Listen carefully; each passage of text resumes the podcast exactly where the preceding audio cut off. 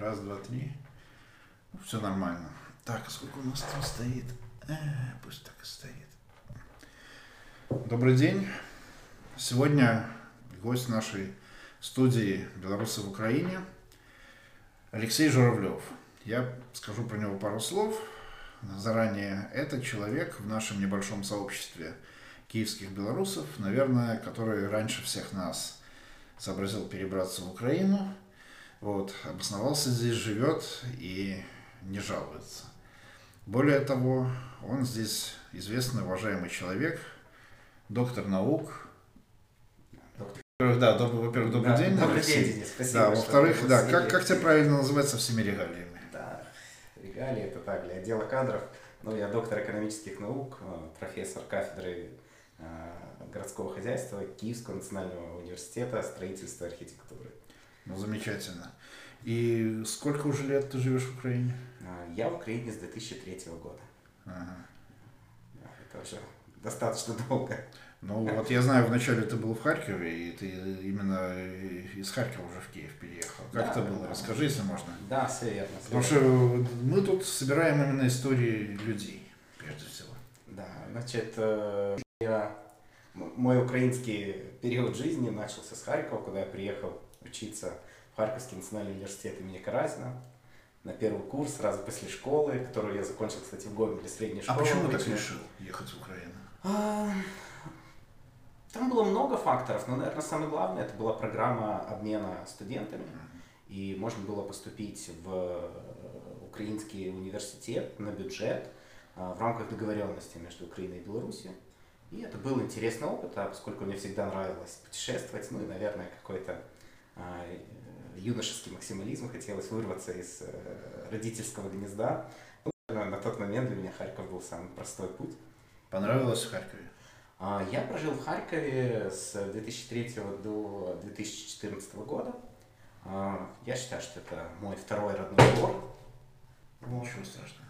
А, И ам, там остались много моих друзей, с которыми я общаюсь с удовольствием до сих пор. А, Харьковчане такие немножко националисты своего города. Они считают, что это первая столица, и иногда очень ревностно относятся к Киеву. И когда я собрался переезжать в Киев же сюда, когда меня а, пригласили в докторантуру, то они, конечно, немножко так э, не поняли мой выбор, но влияло на наше прекрасное общение. Вот моя дочка родилась в Харькове, поэтому с Харьковом связан э, такой хороший период, э, теплый, светлый моей жизни. Ну, я вот помню, я честно скажу, я был в Харькове один раз. Это вообще была моя первая поездка в Украину, это был 95 год. Ну, тогда, честно скажу, Харьков, я на конференцию ездил там, Харьков произвел на меня впечатление такого достаточно серого советского города, вот с, с этими серыми домами советскими, ну, в общем, такой вот типичный, типичный, типичный, ну, не знаю, ну, советская окраина Минска, может быть, или что-то такое, вот, то есть, но сейчас, насколько я вот общаюсь, насколько рассказывают мне про Харьков, он очень сильно преобразился за это время, и как бы уже очень такой современный, красивый город, многие его очень хвалят. Да, я согласен с э, этим мнением, потому что действительно я видел этот, э, периоды становления Харькова вот с 2003 года, и тогда э, мне тоже первое впечатление было достаточно такое м, нерадужное. Это серый город, какие-то остатки промышленных гигантов, но за все эти годы, конечно, там поменялось несколько властей, и вот э, нынешнее руководство сделало, конечно, очень много для города, бесспорно, и э, приглашаю тебя в Харьков, когда. Э, Я думаю, что мы, мы, мы, сможем, мы сможем организовать какую-то интересную поездку, и ты удивишься. Я, я с удовольствием съезжу, потому что я говорю, это был первый город, который в Украине вообще я посетил. Это была именно поездка в Харьков. Я больше никуда не ехал тогда, только Харьков и обратно в Минск. Ну, Тем более сейчас очень удобно добираться до Харькова, ходит скоростной поезд. И за четыре с половиной часа можно с комфортом доехать в Харьков и провести там день, можно оставаться на ночь, можно не оставаться, сразу вернуться. Так что Да, это когда будет же- интересная поездка. Когда переселяешься в Украину, приходится привыкать к новым масштабам. Я привык, что там в Вильнюс за три часа смотаться можно, а тут до Харькова четыре с половиной на скоростном поезде. Ну, ты знаешь, э, я застал еще время, когда скоростной с 6 часов, и поездка одним днем превращалась в такой себе аттракцион, Ну, а, после которого надо было а вот сюда. жена не даст соврать, в Вильнюс На закупки тупо съездить в магазин, вот утром выехал, после обеда вернулся. Да, в Украине масштабы, как когда-то говорили не коллеги, что в Украине везде далеко и везде не прямо. Угу. Ну, может, оно и к лучшему. А, хорошо, а когда ты в Киев перебрался? И Я в Киев было? перебрался в 2015 году. А, во-первых, я хотел быть по семейным обстоятельствам ближе к Гомелю, а, где осталась одна мама. Вот. Ну и во-вторых, конечно, Киев всегда мне тоже очень нравился, а тут с наукой тогда и было место в докторантуре, и поэтому, как говорится, этот выбор был очевиден.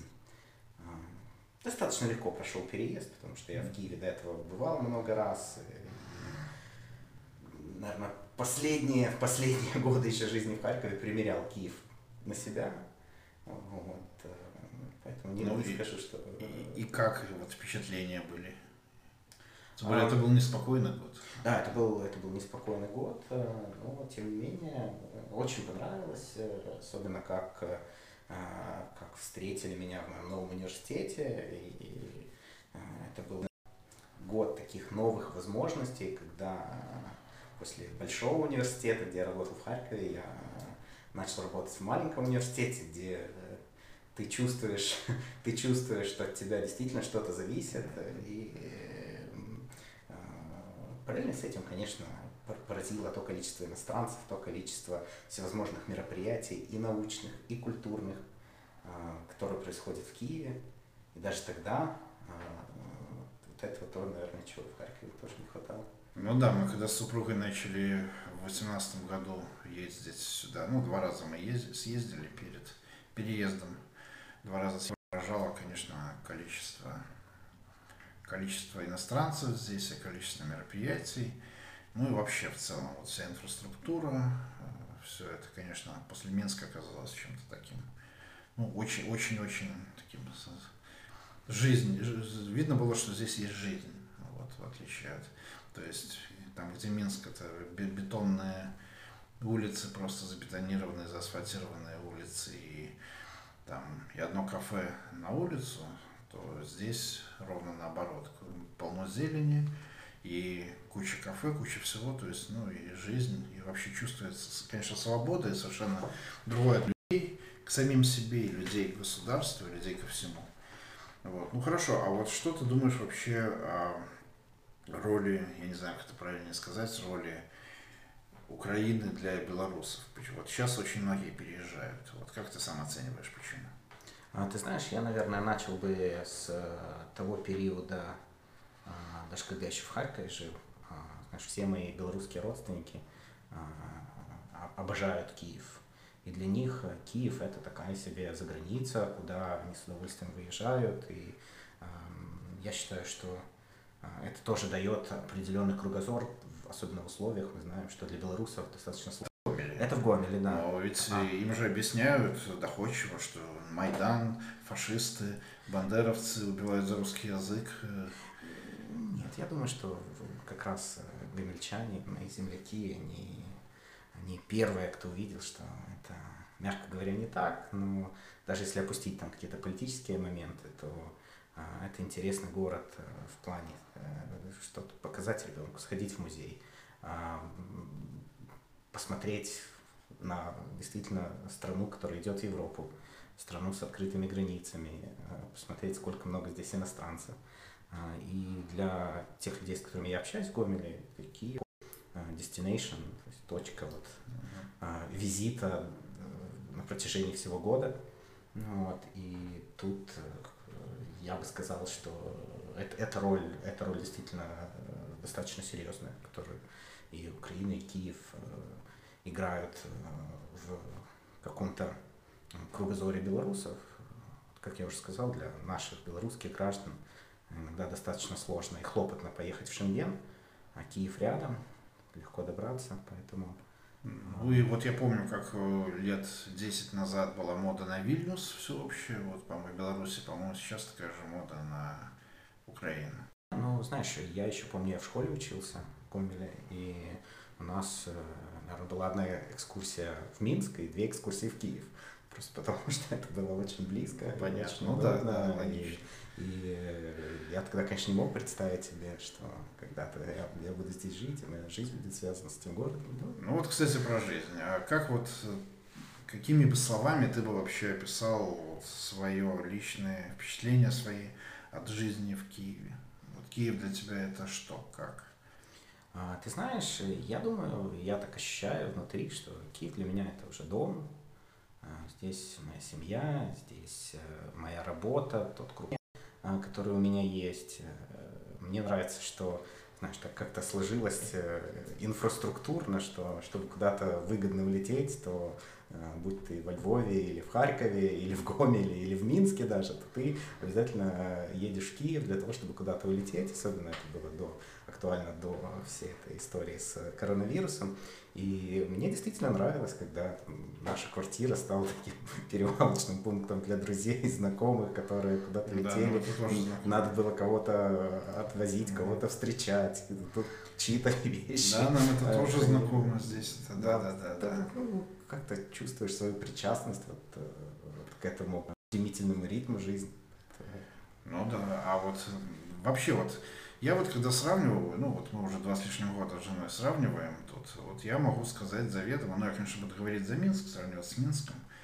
Э, значит, вот э, в Киеве нам что не понравилось однозначно и не нравится. Ну, что хуже белорусского? Это, конечно, вода. Из-под крана ее пить нельзя. В Минске привык, что ты открыл, из-под крана налил чайник, там поставил вперед.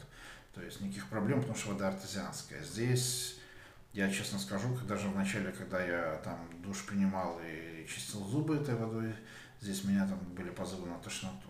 А вот то, что покупать приходится воду, просто уже часть жизни. Это, конечно, не нравится. Не нравится достаточно плохая мобильная связь.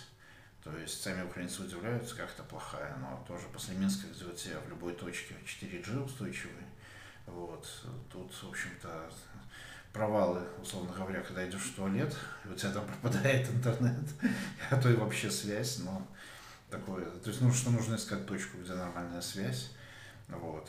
А выезжаешь за Киев, вот ездил на Полтавщину, э, там в агроэти выезжаешь, едешь, в Беларуси у тебя связь есть, пусть там 2G даже где-то, но она всегда есть. А тут вот все, можно спрятать смартфон и до ближайшего доставать. То есть смысла нет. Вот связь, ну и, конечно, даже не то, что дороги, дороги еще более-менее, а вот тротуары, которые разворочены, мне с моими ногами по ним как-то не очень вот так вот. А у тебя что? Ты знаешь, э, я достаточно рано начал ездить на машине в Украине. Еще был студентом, и у меня появилась машина. И э, я, когда бывал в Киеве, мне казалось, что я никогда не смогу здесь ездить.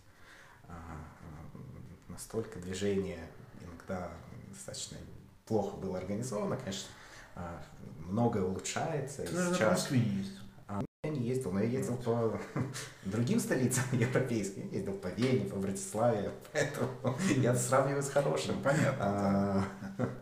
А, конечно, то, что ты сказал, я поддерживаю. Мне сложно сказать про мобильную связь. Я, наверное, таких вот э, прям таких неудобств не ощущаю. Но действительно качество воды и вообще качество коммунальных услуг э, в Киеве э, достаточно слабое и очень неэффективное.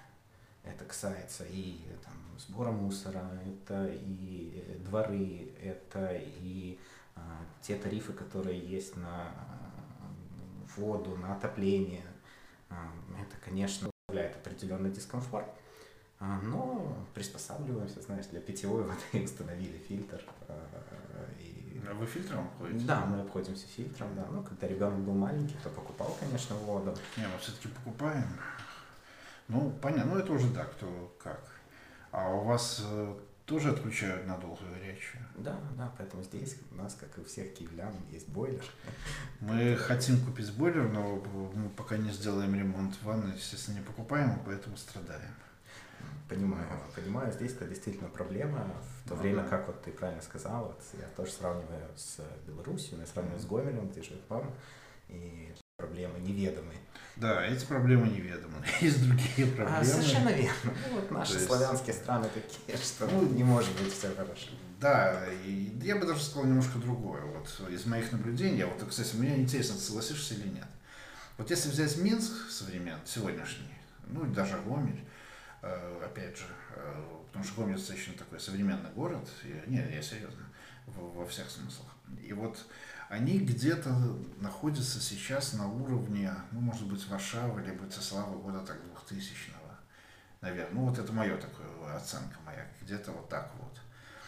А, значит, там выезжаешь с, с автовокзала, вот на автобусе, если автовокзала в Минске, там, там как, там в автовокзал в Минске, он как в этом, как в Берлине чистенько, и все идеально, гладенько, все эти указатели, все эти, все-все-все четенько, вот до миллиметра вылизано. Приезжаешь сюда на автовокзал, первая половина 90-х. Со всеми, со всеми атрибутами. Тут недавно подземный переход сделали. Да. Еще год назад. Я знаю, там переход. Это, да, такой черный, лампочка висит. Вот. То есть, э, с одной стороны, но, с другой стороны, вот Минск или Гомель, он везде такой. То есть, вот он, вот он полностью такой. Одни правила для всех и, и все.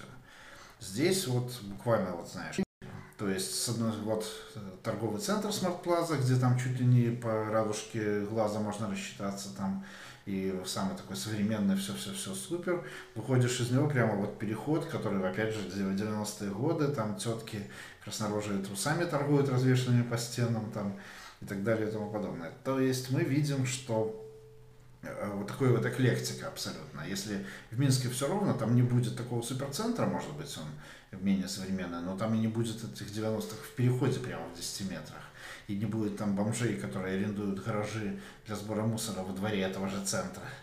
То есть, э, как это здесь. То есть здесь такая клеточные перепады, но хорошо это или плохо? Ведь каждый может выбрать что-то свое. Как ты думаешь? Ну, ты знаешь, э, в известном советском фильме было «Город контрастов», такое выражение. Вот Киев – город контрастов в некоторой степени. Ты знаешь, э, наверное, наверное, как с позиции развития города, а, это плохо должен быть все-таки достаточно однородным. Но с другой стороны, ну, слушай, это и свобода. Каждый, ну, да. каждый занимается тем, чем он хочет, и государство дает эту возможность. Э, хочешь ты торговать в переходе, пожалуйста, делай это. Хочешь. Подожди, государство ли это дает? Вот, вот это вот словосочетание государство дает, оно меня вообще относительно Украины. Здесь не государство дает, здесь э, Просто люди, если их ограничивают, начинают, начинают задавать вопросы, простите, а какого хера? Ну, э, ты знаешь... Подожди одну секунду. Ребята, ну можно чуть с целлофаном меньше? Пожалуйста, просто тихонько пока еще 10 минут и все. Ай, блин. Нет, ничего, все нормально. Я же просто переключил его в такой режим, что он... Да, чувствительный. Вот.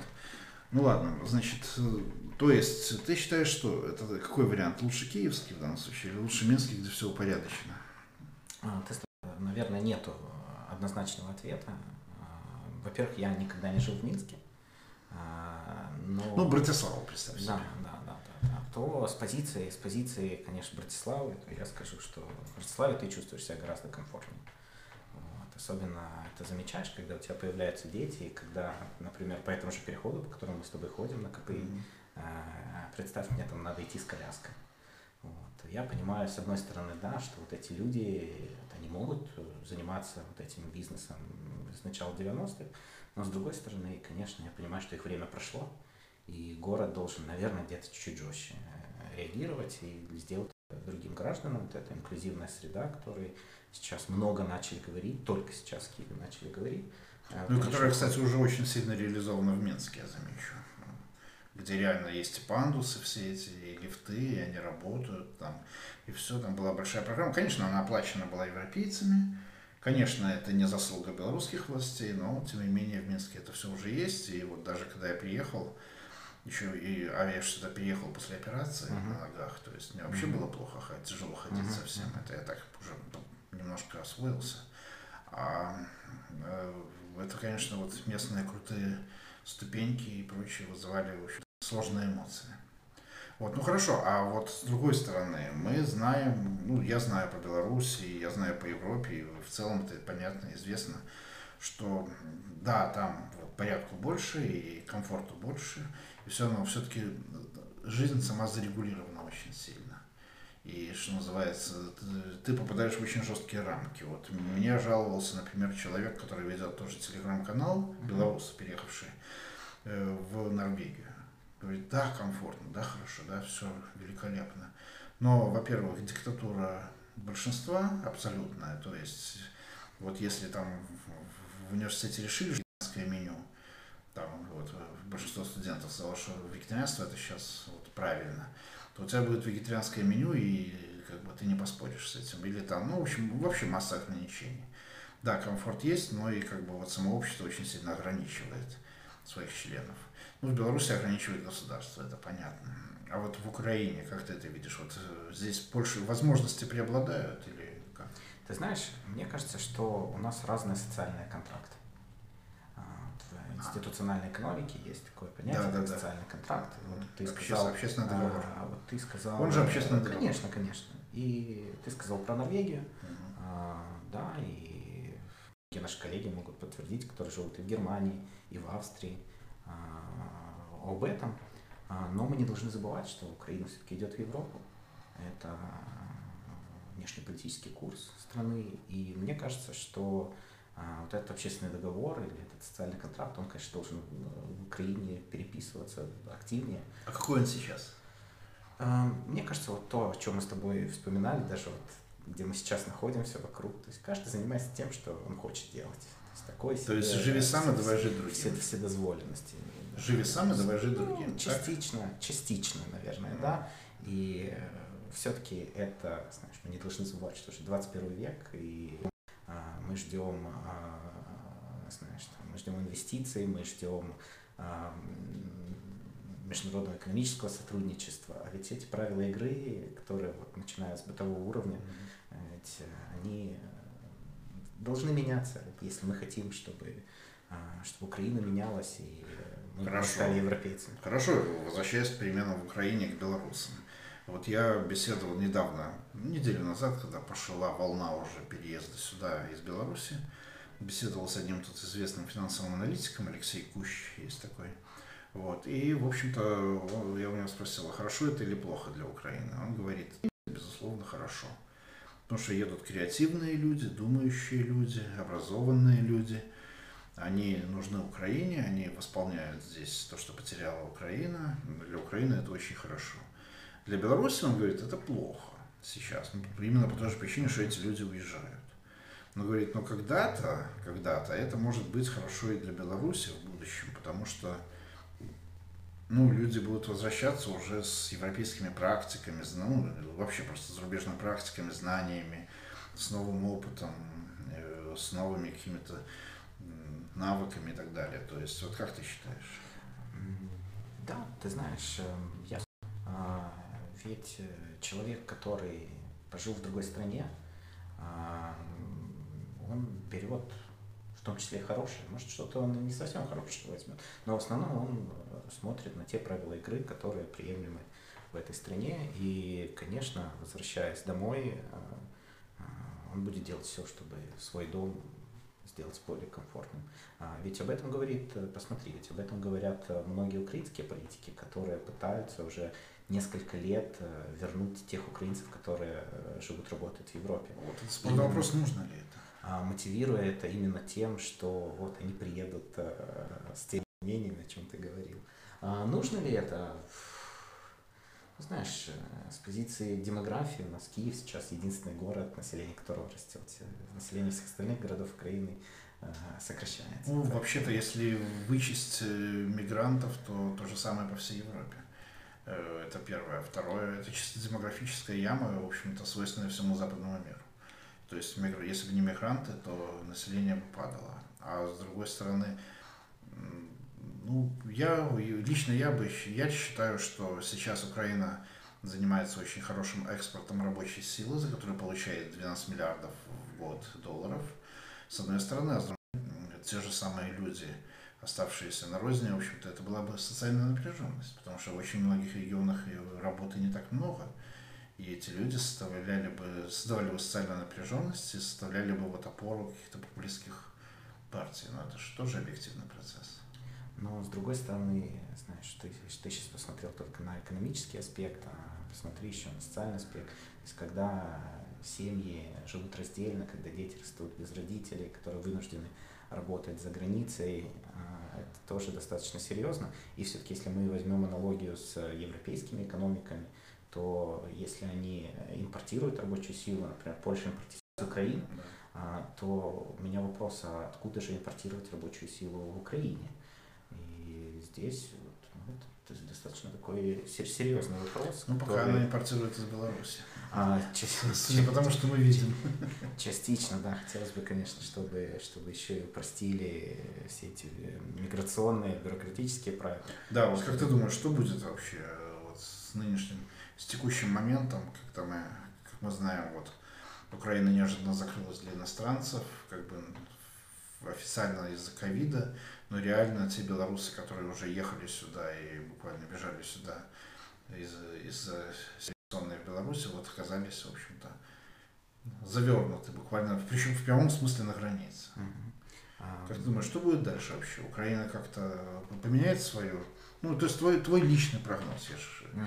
не спрашиваю ничего. Ты, ты знаешь, я начну, наверное, с того, что в украинских законах дьявол кроется в деталях.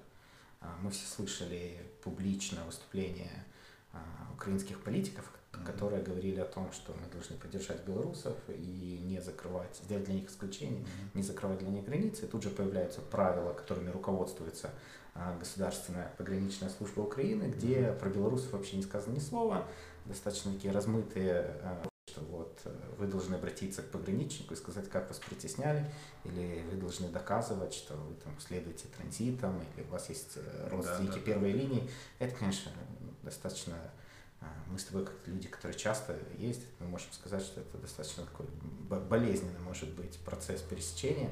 А, мне кажется, что после какого-то общественного резонанса большая вероятность того, что а, эти правила откорректируют и все-таки белорусы а, смогут э, беспрепятственно въезжать, не, а, а, не давая вот эти доказательства, которые иногда могут быть достаточно, достаточно сложно собрать и может быть очень субъективным. Ну хорошо. Последний вопрос к тебе, как к человеку, который, к белорусу, который дольше нас всех тут живет в Украине. Ближайшие твои планы жизненные здесь? Ты знаешь, э, если говорить о каких-то научных планах, то э, есть несколько проектов, которые хочется, чтобы они были реализованы из-за ковида. Э, они поставлены на паузу. Это исследовательские проекты с некоторыми европейскими университетами. Поэтому тут в планах, в планах, чтобы их разморозить и продолжить реализовывать. В личном плане не знаю, хочется какую-то э, недвижимость под Киевом. А, Всем хочется. Так да. что, так с такой землей, как здесь, это надо, да, иметь хутор свой обязательно. Да, да, да, да. Тем более, если провести даже такой поверхностный анализ, что за несколько тысяч долларов тут можно что-то купить э, в радиусе там, 100 километров от Киева. И... и я говорю, я повторюсь, когда у тебя под ногами полтора метра чернозема, это совершенно другое даже ощущение, чем если у тебя под ногами там су суписи белорусские или там э, дерново-подзолистые почвы. Вот, тут когда у тебя берешь землю, она жирная в руку, то это, конечно, голова улетает просто. Да, конечно. Ну и знаешь, э, все-таки иногда хочется отдохнуть от э, киски Скажи, суеты. В, в Украине все будет хорошо? А, в Украине будет все хорошо, конечно. Спасибо. Спасибо. Спасибо. С нами был Алексей Журавлев.